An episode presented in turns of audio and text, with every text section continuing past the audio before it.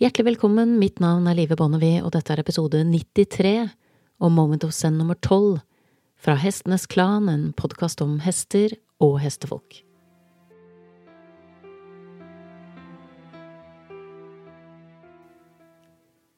Jeg starter denne episoden med å komme med en um, advarsel, egentlig. Jeg anbefaler ingen å gjøre det jeg nå skal beskrive at jeg nettopp gjorde med min hest.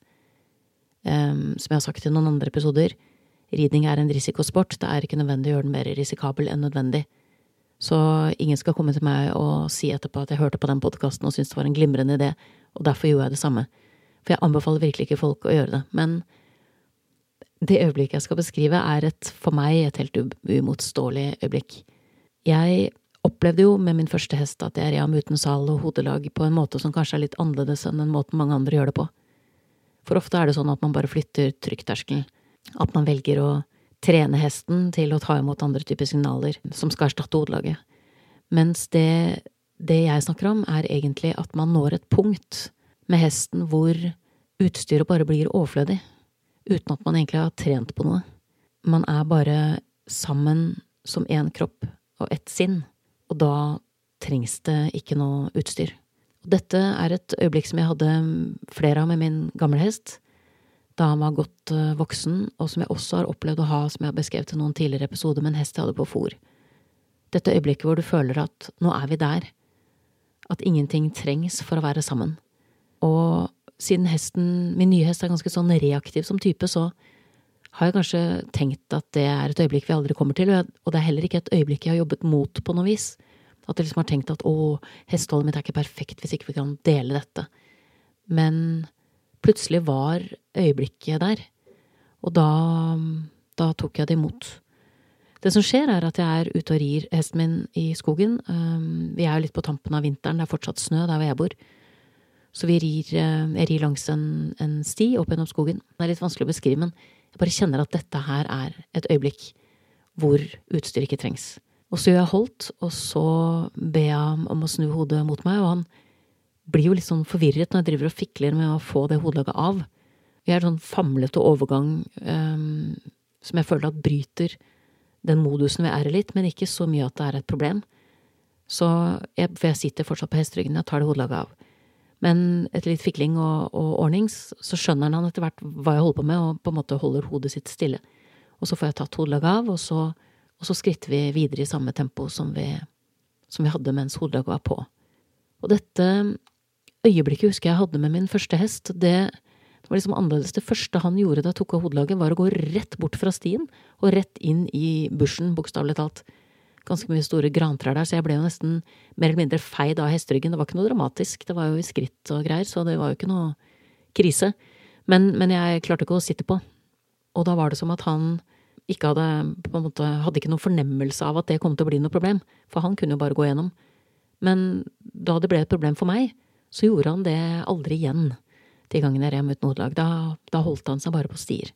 Mens min nå nye hest, han gjorde ingen av de tingene. Han, han, fortsatte på en måte på den ruten som var egentlig vår, ja, mer eller mindre vår vanlige rute.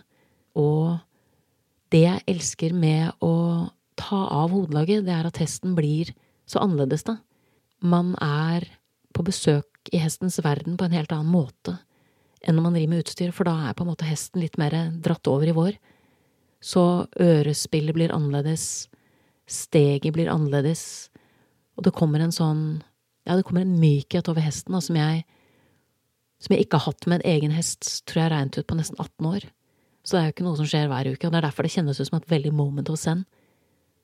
Kjenne den mykheten, og så skritte videre, og på et tidspunkt da så, så er jeg på en måte ferdig med den runden som er en av de vanlige rundene vi rir, og så setter vi på en måte kursen hjemover.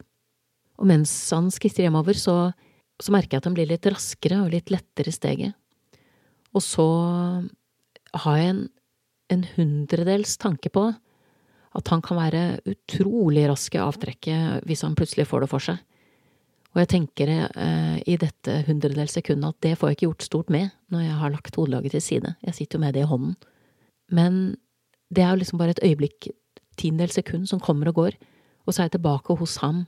Og det betyr at når han da øker til trav, så har jeg ikke noen uro på at det er et problem. fordi vi er så til de grader sammen. Så når han traver videre, så, så er jeg bare med ham i trav. Og når vi kommer litt lenger eh, bort og ned på en sånn flate, så, og nærmer oss en nedoverbakke, så, så holder på en måte jeg igjen til skritt for min egen del, og så er han på en måte bare festet til meg, eller som en del av meg, sånn at når jeg bremser i hodet mitt, så bremser han i sin kropp. Og så, så skritter han videre. Og så kommer vi ut på et ganske åpent område hvor han er veldig ofte litt sånn speidertype. Han følger veldig mye med på ting, og det er et sånt sted hvor han noen ganger har ja, vært litt sånn lettantennelig. Og da merker jeg at han har en Han har kanskje sin hundredel, hvor han plutselig er liksom litt lettere i steget, litt mer på alerten. Og så gir han meg et øre som jeg responderer på med en gang, ved å takke for at jeg på en måte får den oppmerksomheten. Så jeg svarer på en måte, det er litt vanskelig å forklare, men jeg svarer hans øre. Og så finner han tilbake til roen igjen, sånn at det lille adrenalinet som kom opp, det synker igjen. Og så skritter vi videre. Og det er jo Dette adrenalinet er jo det som kanskje kunne sies å være den store risikoen med å ri uten utstyr. Det er jo at jo, men hva hvis hesten blir skremt? Ja, ryggmargsrefleksen til hesten får du liksom ikke gjort så mye med. Det har jeg opplevd, at jeg har vært ute og ridd på tur langt inn i skauen. Og så er det en eller annen skogsdue eller et eller annet som fyker ut av et kratt i en litt sånn dårlig vinkel. Og så får du et galoppslag eller to, kanskje tre, som på en måte ligger der i, byttedyrets reflekser. Men så er man på en måte tilbake igjen. Og det er klart at jeg skjønner også at hvis en hest får vill panikk og man ikke har utstyr, så har man litt dårligere prognose enn hvis man rir med utstyr. Men min erfaring er også at det skal mer til at hesten kommer dit i den panikken når man har det samspillet med hesten som jeg beskriver her. Så for all del, ryggmargsrefleksen eller de første stegene er der, men, men, når man er sammen, så må man på en måte være to om å bli skremt òg. Og jeg blir ikke skremt av en skogstue som flakser opp fra en busk. Og den roen smitter tilbake på hesten, og så, og så er vi på en måte tilbake der hvor, hvor adrenalinet er lavt hos begge, og man bare rir videre. Og de gangene jeg bare opplevd det én gang, kanskje to ganger faktisk, når jeg tenker meg om, at en hest som har gått uten utstyr, har hoppet til for noe. Men utrolig hvor raskt de begge gangene da fant roen tilbake igjen, og så rev vi videre i skritt uten at man trengte å blande seg eller gjøre noe ut av det. Kunne bare vente, med ro, og så vender hesten tilbake. Og for meg så er dette øyeblikket som jeg da hadde med hesten min, hvor det er han og jeg, og vi begge er sammen om å være oss selv, så vi på en måte blir én. Det er veldig vanskelig å forklare, men de som har ridd uten utstyr uten å ha kondisjonert hesten til det, vet hva jeg snakker om. Det er en helt eh, egen følelse. Og så kommer, ridende, jeg ridende inn på tunet, og han, han er litt sånn vinglete på veien på tunet, for han har også noen andre tanker om hvor vi kunne gått. Men jeg er veldig sånn klar på at reisen her nå er at han og jeg går til stallen, og da på en eller annen måte så er det da dit han går, så han har en innskytelse, men, men velger likevel å bli med meg. Og så stiger jeg av og går inn i stallen, og han følger etter, og så står han løs, og så henter jeg kraftfôret. Og den raslingen med bøtter og kraftfôret som på en måte drysser ned i bøtta, han står bare rolig og venter. Og så kommer jeg ut og, og gir ham kraftfôret og gjør det som jeg har en veldig sånn rutine på, å takke hesten. Jeg takker alltid. For enhver tur, um, for enhver ting, for ethvert øre. Altså, det er mye, mye å være takknemlig for, syns jeg, når man driver med hest. Og så, når jeg da kommer hjem etter å ha satt hesten ut, og da har jeg en sånn Ikke si at jeg går på skyer resten av dagen, men jeg har en sånn letthet i meg, som er den lettheten jeg delte med hesten min.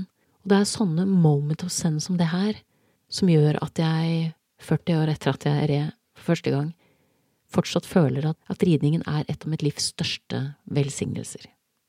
Jeg tenker ikke, selv om jeg syns at dette er et virkelig magisk moment hos Zen, at det er noe mål å strekke seg mot dette som et eh, ideal av noe slag. Men det jeg tenker at man skal strekke seg etter, det er fokuset på takknemlighet, og fokuset på å takke hesten. For de små tingene så vel som de store tingene. For det som bygger en relasjon med hester, det er en gjenklang i oss at hesten opplever seg sett, hørt, følt og forstått, akkurat som vi opplever oss sett, hørt, følt og forstått hos hesten. Og når vi begge er der, så er det mye å være takknemlig for. Du har nettopp hørt episode 93 og Moment of Zen nummer 12 fra Hestenes Klan, en podkast om hester og hestefolk. Takk til min faste komponist Fredrik Blom, og sist, men ikke minst takk til deg, kjære lytter, for tålmodigheten. Måtte hesten for alltid være med deg.